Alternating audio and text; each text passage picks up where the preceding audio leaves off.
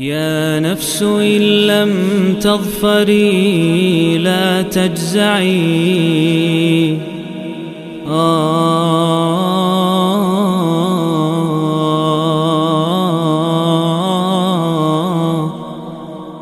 Bismillah, Alhamdulillah, wassalatu wassalamu ala rasulillahi wa ba'd Masih bersama 114 hari jelang Ramadan Sajian perharinya uh, tafsir ijmali terhadap surat-surat Al-Quran Selama ulasan satu suratnya 7 menit insyaallah Dan kali ini kita di pertemuan ketiga akan belajar surat Ali Imran, surat yang ketiga Ali Imran ya, bukan Al-Imran ini bukan kalau Al-Fatihah kan Al-Fatihah. Al-Baqarah. Ini Ali Imran, artinya Ali keluarga.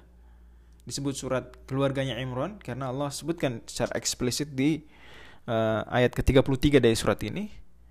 Astafa Adam wa Nuhu wa ala Ibrahim wa ala ala alamin.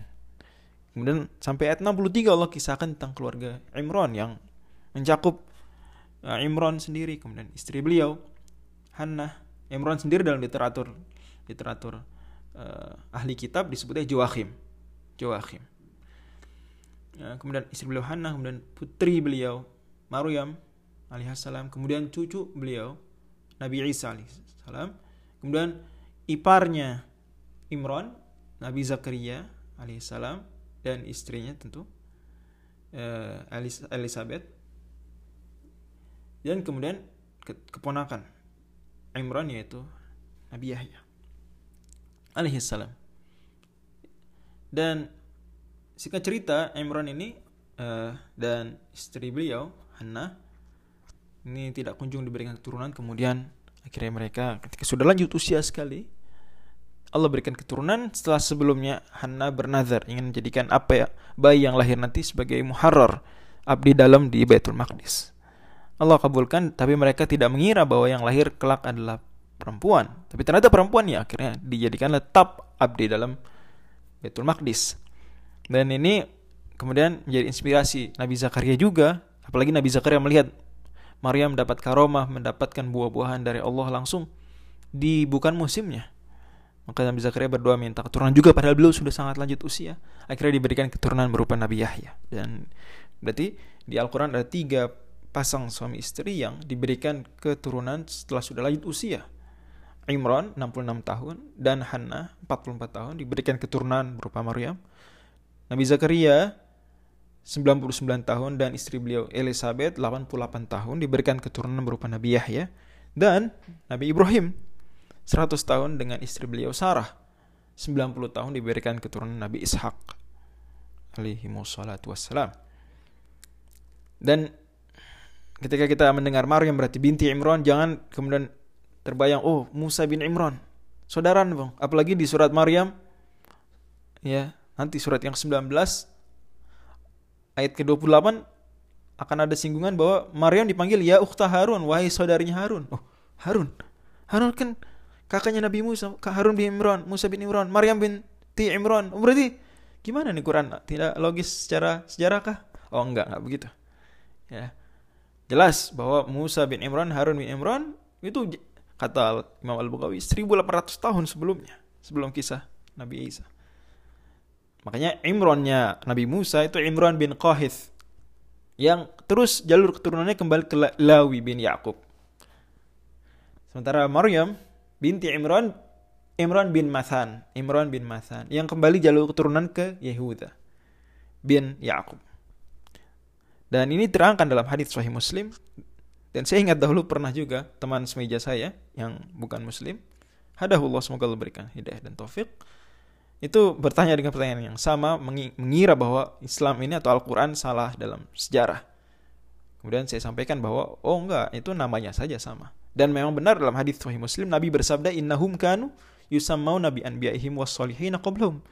Ahli kitab dari zaman dahulu mereka biasa diberi nama dengan nama para nabi dan orang soleh. Sampai hari ini pun kalau kita ke negara-negara barat juga mendapati nama-nama mereka, nama-nama para nabi atau nama-nama orang soleh dalam Alkitab.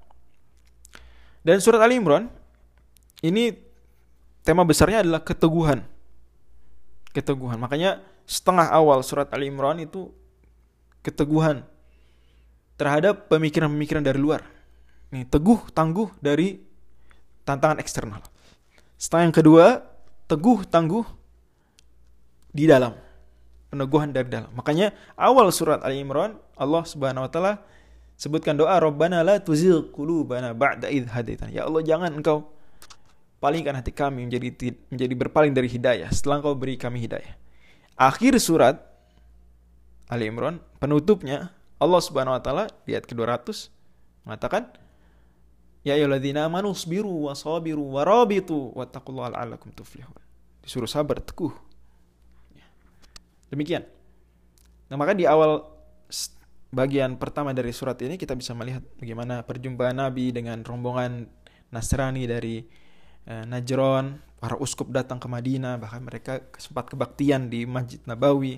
Mereka diberi tinggal di sana juga oleh Nabi, diistimewakan.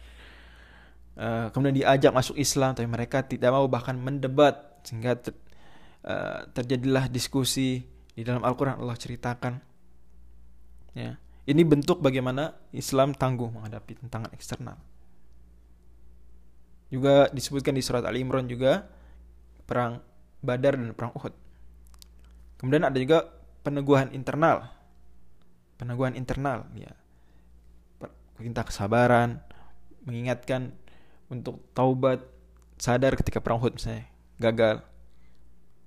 Kemudian mengingatkan nikmat Allah melarang jangan sampai berpecah belah dan seterusnya dan seterusnya. Sehingga surat ini kemudian kita bisa lihat Allah perintahkan kita untuk pegang teguh Quran dan Sunnah ya. Kaifa takfuruna wa antum tuslalakum ayatullah wa fikum rasuluh. Perintah takwa ya. Ladzina taqullaha haqqa tuqatih.